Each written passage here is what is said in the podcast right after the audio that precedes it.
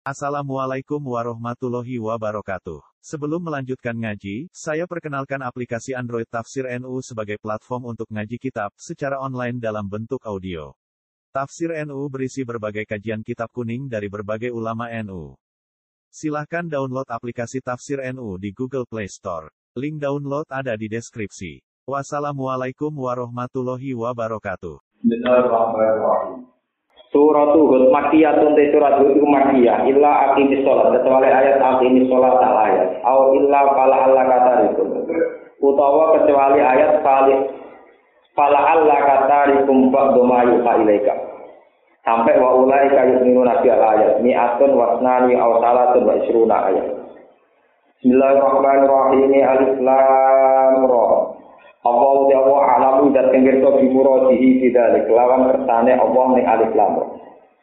Hadza utawi iki ku kita kudu kitab. Oh kimat engkang den kukuhno, engkang den pindahno apa ayat tuh pira-pira ayate Allah. Di aji bin kelawan keagungane susunan, kelawan susunan sing menakjubkan. Wa badi ilmahani lan indahe pira-pira maknane. Suma fusilat mengonungi dan jelas nopo ayat Bujina tegesi dan jelas nopo ayat. Bila kami klan pura-pura hukum Wal kiso silan pura-pura cerita Atau wal koso silan pura-pura cerita Wal mawali silan pura-pura mau itu Milladun hakimin khobir. Milladun hakimin sanging arai Jating bijak khobirin ter tegesi bijak. Manane Allah tegesi Allah Eh dua Allah. Ajarani kitab Quran Allah ta'budu illallah Arab to orang ibadah sira kabeh ila kecuali ing Allah. Inna ni sak temne ing tenaku maring sira kabeh minggu sanging Allah. Iku nazirun, iku wong sing ngekeki peringatan bil azab di lan siksa. Ing kafar tum lamun ngafiri sira kabeh. Wa basirun lan bisa di lan ganjaran in aman tum lamun iman sira kabeh. Wa yen to jaluk sepura sira kabeh. An kelakuan istaghfiru jaluk sepura sira kabeh robbakum ing pengiran sira. Kue jaluk sepura minas sirki saking dosa sirik. Nah wis jaluk sepura kumatu bu mongkon ni tobat sira kabeh. Irji'u tegese baliyo sira kabeh ilahi maring Allah. Balik ngakoni eksistensine Allah. Bito ati lan taat. Yumat ti mongko ngekeki seneng-seneng sapa Allah kum ing sira kabeh di dunya ing dalem dunya. Mata kelan kesenengan katana ingkang bagus. Biti di aisin kelawan enake penguripan Wajah hati rizkin tan jembare rizki. Ila ajal semua kemarin batas musaman kang den tentok. Wa ti ajal musamma iku al maut kematian.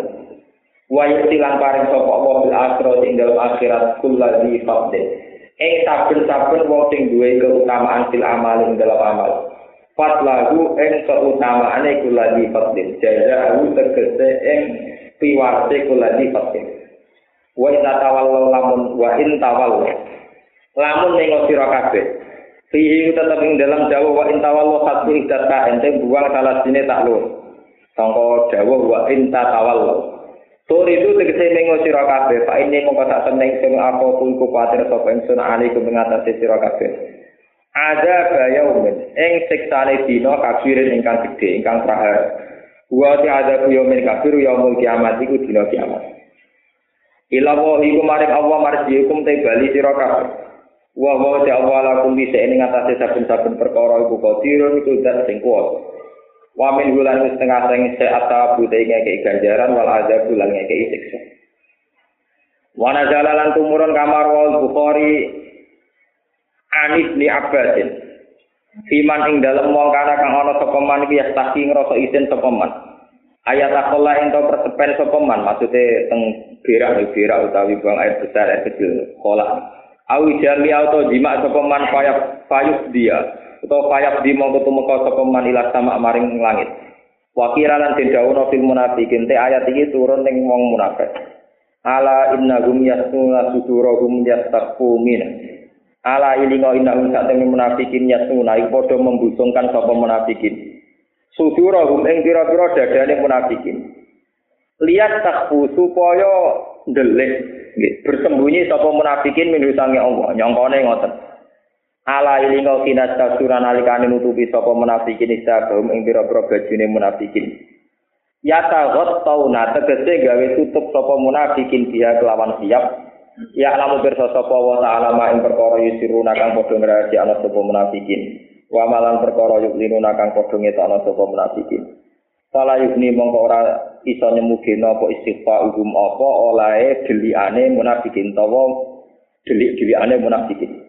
Inna wa ta'ala Allah wa alimun dating pirsa bidati sudur kelawan gumberjete ati. Eh bima tegese kelan perkara fil kulubi kang ing dalem ati. Iki kula terang nanti masalah ini. Wa adis rabbakum sumatu bu ilahi yumati kumataan nopo hasanah. Terus ngeten guys. Tiang sing pun istighfar sing atine seneng pangeran, gitu. Atine seneng pangeran obat. Iku mesti uripe mesti yumati kumataan nopo hasanah mesti. Kulo niku ngrasakno tenan. Kulo nganti saat ini sering diri kalian tobo-tobo, dianggap urip paling ayam. Ya itu tadi ya, Kalau orang nasional atau cara berpikir tidak religius, itu nunggu nikmat misalnya pegawai nanti nambah nom. Nah pengusaha nanti sok sukses. Nah usaha bisnis dengan ini sukses. Tapi kalau mental seorang mukmin sejati betul Mulai berangkat cari nafkah, ngerosok ibadah. Kasih ngerakasih lagi ngerosok nopo ibadah. Nanti jika no anaknya dirasakan betul, ngerosok nopo ibadah. Ini sing disebut yumatikum makaan nopo. Wong tiyang nak mukmin tenang, roh pangeran enak. Misalnya ngaten. Sampeyan ngekeki cayatin duit 2000. Mampu sampean memang 2000 seneng. Gusti jenengan kok takdir kula ngamal teng cayatin, jenengan mirsani. Jadi sampean tersanjung karena ngamal sampean ditinggali pengen pengen. Ya sudah begitu terus. Karena kontrak kamu dengan Tuhan, amal saja, apa saja nikmat. Mau kelar ngopi, gimana tersyukur ya Allah. Jangan mari ini nikmat Allah, sakit ngopi, sakit ngetes, sakit semua nikmat disyukur. Nah dia kemusuhan buat kenal presiden kecewa berada dalam menteri. Mutuh paham ya? Wadal kiai kenal bupati seneng era karuan. Tapi orang wong sih hak urip-uripe kenal presiden kecewa era karuan nggih nggak Lalu latih ditanggulat Gus, sempoma sampai kenal presiden bangga atau orang. Ya ya delok-delok, nah dari awal yang pangeran juga bangga orang ya. dari awal yang pangeran ora kenal presiden itu disorong Tenang nih, Gus, ini gua kenal presiden orang seneng nih. Ya, saya tak tahu itu kalah mbak Anita gimana. Kenal tapi kecewa. Orang mesti orang berobak, orang berber. Orang sekeliling Pak SBY, yang sekeliling Gus Dur, sekeliling Soekarno itu Dulu Bung Hatta itu keluar dari Dwi Tunggal. Padahal tak urip-uripnya kenal Soekarno. Paham ya? Yusuf Kala akhirnya bisa PSBY. Kalau kenal presiden bangga, mesti Yusuf Kala juga bangga. Mutung. Orang itu nopo bangga. Pak Agito tadi gitu nopo. Artinya nggak ada jaminan kalau kita kenal presiden itu lebih baik dan bang. Nah, kalau sering dilaporkan, kejenangan kampus kenal pejabat-pejabat. Ya ya pejabat itu ya so ngaku saya kilo kenal pangeran. Suwan syukur menjadi kenal apa? Pejabat. Aku kiai cukup warai. Aku ulama cukup warai. Akhirnya malah wah atau berarti berarti kalau selama ini jadi kiai lah ya salah. Ya terima salah bukan ya. Orang terima salah tapi nopo. Wong kenal pangeran, ae syukur kok ngenteni kenal pejabat duwe-duwe. Lho kula lho mau sampean waktu bubar nang kula, sampe kula bubar, kula tetep syukur. Sampe syukur, ya tetep syukur. Lah syukur piye? Syukur kok tau dhuwit menan ning donya, Gusti tau merek rame-rame nyekseni nek jenengan kok ana ngoten tok wis pokoke. Ya tetep syukur. Kula tak metu hikam, jare nek hikam nikmat ning donya mok loro, iku nikmatul ijaz wal imdad. Kita wujud itu sudah syukur. Alasannya ya. Syukur ya. Gara-gara kita wujud tahu rasa rame ning dunia. Nah, ono sing gawe ono sing ngatur. Jadi Gusti, dengan saya wujud kalau ikut bersaksi bahwa engkau ada. Nah terus, tapi kok kan rana meneh. Wong manusia rana meneh. Dalam teori Islam kan gak ono rana meneh. Mergo cara teori Islam bar mati ku jadi keluarga. Kok ya ini kekuasaane Allah. Lah wong ini kekuasaane Allah mesti enak. Lah mesti enak itu dan ini tidak berkeluarga.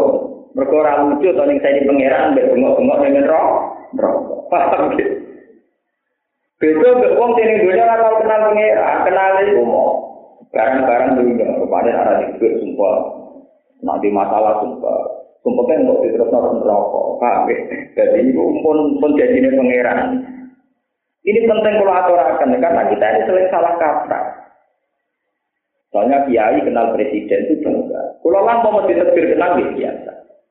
Bahwa kalau diterbir kenal merti ya biasa. Kalau nanti di kakak di waktu bupati ya biasa. Kalau visuali bupati ya biasa. Ini rata anggap bupati. Soalnya suara aku tak santri. Tak omong ya sebenarnya. Suara aku tak santri. Wong ora suwan dene dianggap rakyat kok penak ini soal aku tak bupati. Tak omong ya kita nih, lari itu, nak rene itu sudah di santri, mana orang ada keluarga ya. Jadi adil, jadi apa? Nah aku rono jadi melepuh lah, tapi nak ini dia tak melepuh ya aku, jadi gentenan apa?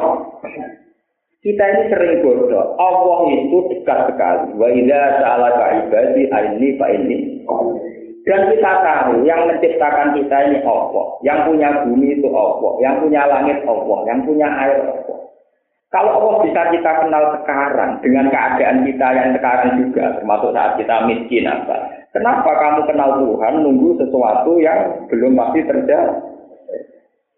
Membuat jadi kiai itu terus kenal menteri, proposal gampang, ranikmat. Jadi mari ranikmat cara berpikir gue itu. Mengapa ngerokok nikmat kok ngenteni A ngenteni B ngenteni Kenal presiden udah mesti bangga. Mosok oh ngomong kenapa mesti bangga. Ya ada yang akhirnya mutung nggak bukti bangga. Paham ya? Gak ada jaminan. Monggo kadang bayang no, kalau nanti berpikir nakal, tapi kalau yakin diri dari pengiran. Artinya nakal lagi diri dari pengiran. Kalau nanti mikirnya, Ngaji Nabi ku yo kok aneh. Dekne ku yo Nabi tinggal wong sadonya. Kadang nak ngendikan urahan, tapi tak kenangan yo bener. Kadang urahan yo penting, gue nyelamat to Islam. Tapi bener. Misalnya ngeten, Nabi tau ngendikan ngeten, waktu biba ilayya min dunyakum atibu wan nisa. Aku nak urusan dunia, itu tak senengi wong wedok.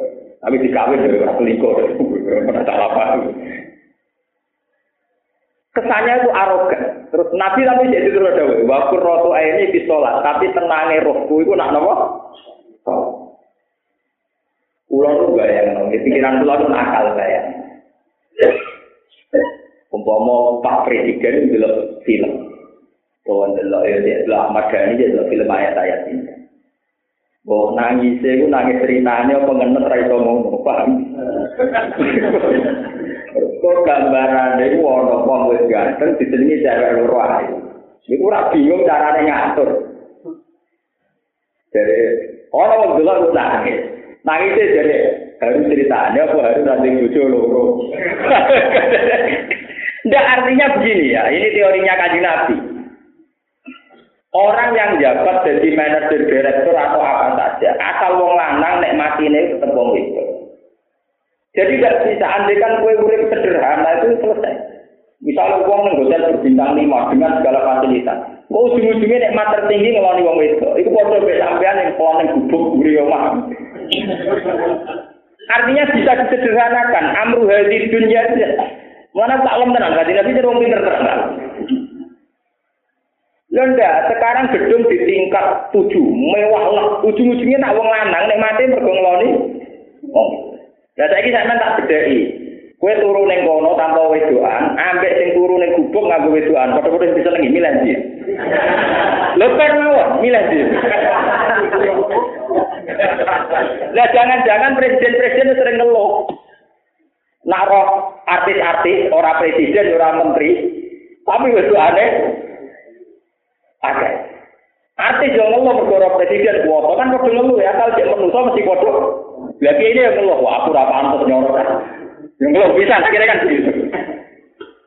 Sama, malah ini bener kaji nabi. Nek mate wong bodoh, malah dari wong sufi. Kue rapi apa, sing keloni ya itu. Dia berat tak minta, sing pangan di tak piring. Dia kamar limo, sing bungku turu, mau si sito. Dia kamar sepuluh, sing bungku ya mau si. Bungku bareng edan, jadi apa? Lagi di kamar tongo, kalau suka. Ben ora rasane kabeh tiap jam turu genti ora nyaman tiap jam. Paham ya? Artinya sama. Mulane kadang pulau niku pulau termasuk ulama dalam hal ini pulau cara berpikir nakal dan saya yakin kenakalan saya itu dalam hal ini diri dari pangeran. Ternyata untuk punya nikmat yang kelima itu sama. presiden wae takok nek mate dadi wong lanang tetep kumpul wong wedok. Kiai ya sama, orang amam ya sama, bajingan juga. Makanya kalau Nabi ngendikan waktu biba ilayya min dunyakum aktif dua wisata sebagai manusia senangnya perempuan. Itu cara kula normal. Dan itu satu filosofi. Kira usah iri jadi presiden. Kira usah iri jadi bupati. Saya nggak usah bupati, presiden, gubernur. Jak kumpulan empat mata. Gak ngono pak. Kue tahu semua tenan jadi gubernur, terus seneng tenan perkara ngumpuli wong seneng. Oh, harus karuan, sama nanti jawabannya apa? Lho niki ilmu lho, uraan tapi nopo? Dan itu Quran ya biasa bicara gitu. Zina linnas kubu syawat minah nisa asal cek menuso. Nek mati urusan begitu. Saya tidak yakin kalau presiden Kristen seluruh dunia gak tahu iri ya berarti di majalah Playboy. Mergo ora juga ora juga tapi babonane wae. Sing kiai ngeluh mergo dene ora iso. Misalnya, tapi nak sing seneng tahajud gitu selesai. Dan ini di dunia dewi nikmat. Lalu goblok-goblok kiai, goblok-goblok wong tua itu sing ngerasa seneng tahajud. Wes kere ngeneng, paham napa? Nah, kalau dia sudah tahajud bertahta sendiri, napa bertahta napa? Sendiri. Lalu ketika ulama-ulama buat tahajud wa aidus solihin, wa arus solihin. Tahajud itu adalah pestanya orang-orang soleh. Paham ya? Jadi ya nikmat sekali karena sudah bersama Tuhan. Ngorobi Adawiyah sekali apa fajar nangis. Jadi karena malam bersenggamaku dengan Tuhan selesai. Jadi, wah, aja nak kalau pangeran itu kayak pasangan nih, saking asiknya dengan dengan Tuhan. Jadi sama kalau sudah begitu, kenapa kita atur? Gak perlu atur. Wong sing ning gone hotel-hotel mewah, ujung-ujungnya senenge mergo wong wedok. Lah kowe nek omah bubuk ujung-ujungnya senenge ambek bojomu padha eleke iku. Sama nek mate ya. Sama. Engkok kono tangi turu senenge kopi kopi panas. Kowe senenge kopi panas. Misalnya kowe ngono Ya, tapi kalau kono sing kelas A, nggonku kan kelas C. Lah ngeluh ngene iki lho sing mari tambah goblok. Oh wis kere kok ngeluh banget. Paham ya? Jadi ngeluh memperparah kegoblok. Mesine ora ngono. Aku, Umpama ngombe kopi kok sing wong suge-suge, malah ra enak, Gus. Bukan mesti utangan, gak kuat aku. Jadi aku ngombe sing murah itu pas. Iku wis enak ra usah utang. Utangan mesti cara berpikir ngono blok blok blok paham. Lho kok ngoten kula dadi kiai tak pikir. Lho kula nu nate wonten menteri tengene kula tengene bapak kula ora metu. Mergo tangan malah goblok. Jadi misalnya kasus kula, kelare kopi rego 10.000. Kok kepengen saya seketahui bukti goblok. Wong aku ngopi sepuluh ewu gara-gara rau tangan nek mati ra karuan. Nah saiki aku seneng seket ewu malah utangan kan. Kali ke dibojo elek. Tapi sing dirasa om juga kan artis ayu Gus. Bojoku kan pencet misalnya sampean ning. Tapi nikmat itu gelem mbek kowe. Lah saiki kowe tak artis ayu terus kowe terus dianggap putu tak dianggap sama mati loro. Blok blok paham Tetep enak sing elek iki mergo gentem. Timbang kowe jajal artis ayu ning kono dianggap satpam ke malah lara ati, paham? Paham iki kalau maksud Dadi Allah nekdir ke di bojo elek kowe nek mergo sing gelem ya iku. Mergo kowe sing ayu ora tiga gelem malah kowe sing disiyo. Wong syukur kok ora iso, paham? Mare dewe Allah ibadah paling cepet tok pengiran tasawuf wa ala alakum tasku. Jadi wong kon takwa ben syukur. Mergo wong nak takwa mesti gampang syukur. Mumpun mesti. Jika sesuatu wis nikmat tenan, kula ngrasa ana urip ngono. Kula ben ate melarat ge nikmat, saniki jek melarat ge nikmat iki biasa mau. Wong kula nu kiai Rembang paling boten roh biru juga iki gak. Iki biasa mawon. Saya kalau dianggap di pengaruh langgar calon bupati, tuan pulau itu lebih biasa. Jangan orang melok-melok terus melok apa? Ya melok-melok dukung mendukung. Ulama kan melok-melok. Ulama itu pokoknya senang tahajud, senang akhirat. Tapi ini dunia kan mesti butuh sini. Lalu kita bayang butuh bupati, malah rai itu bayang orang butuh pengiran. Gue ulama itu rasa warai ngono-ngono itu. Kita ini harus konsisten ya, dengan teori nopo su. Paham ya? Jadi kaji Nabi itu hebatnya ngomong. Inna wa ala sakti minal haq, dari kaji Nabi. Allah itu tidak malu membicarakan sesuatu yang ternyata teorinya Nabi sederhana. Ketika Raja Romawi punya istana, Sayyidina Umar tahu nangis. Mereka kawan kaji Nabi pas film teng tikar, wakaf acarot fi jadat sampai bekas dan gegerik. Ya Rasulullah jenengan sing larate, para raja-raja itu tidur di singgah sana. Jenengan kok nganti ngeten. Dari kaji Nabi mali walid dunya dunya kok artine apa emang. Tapi Nabi ora kalah karo Rasul. Rasul itu paling bojone dia. Tiga kaji Nabi. Jadi artinya begini loh. Sama. Jadi misalnya hotel-hotel sing mewah, sing ono air mancure, ono penyinaran lampune, ono kolam renange macam ora ono gunane kabeh. Asal sing wong lanang senenge ngeloni wong. Wis, iku padha mbek wong-wong sing padha marate selingkuh ning gubuk. Paham ya? Sing padha maksiate, contoh maksiat ya maksiat nih. Sing ning gubuk ya selingkuh maksiat asik, sing ning hotel ya selingkuh maksiat asik. Cara ditakoki sing marep ning ngene, tapi bukan enak Gus wong ayu ning hotel, tapi mikir bayar kira usah. Lah kok kowe dipikir ning kono malah bar dicekel satpam mergo ora kelar, Bos. Paham? Tapi bojoku kan elek, kono kan wong ayu, tapi elek gelem kono wong ayu miso ibu ujar-ujari, malah ra enak kok. Mergo nglecehkan ku. Ora ana sejarah wong sahabat tak dilecehkan. Pengiran wis pinter, desain manusia wis pinter. Jadi wong larat itu ditetir tenang padha larate.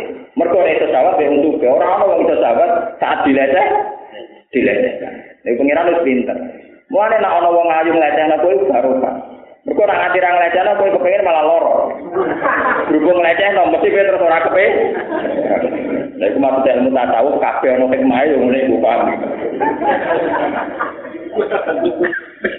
Paham, kulo nu bangga, betul dikenal menteri presiden juga lebih bangga. Misalnya Jimen dikenal lebih bangga, itu biasa mawar. Artinya ya, ya biasa no. Santai no, orang kuning gue kesimpulan itu santai no. Muntah final no. Artinya makanya deh, sekarang kan banyak kiai-kiai yang nggak punya nyali menerangkan hadis-hadis kasus waktu biwa ilayah min dunyakum atibu wanita wa qurratu aini fit kita sebagai ulama harus punya nyali, nyali menjelaskan. Tidak apa-apa. Napa? Toh memang begitu ya. Wes lah sampean mulane harmonis di bojo itu penting. Bojo itu pintu swarga kan. Elek-elek lan dadekne swarga. Mun elek-elek lah dadekne apa? Ya karena itu teori nyata.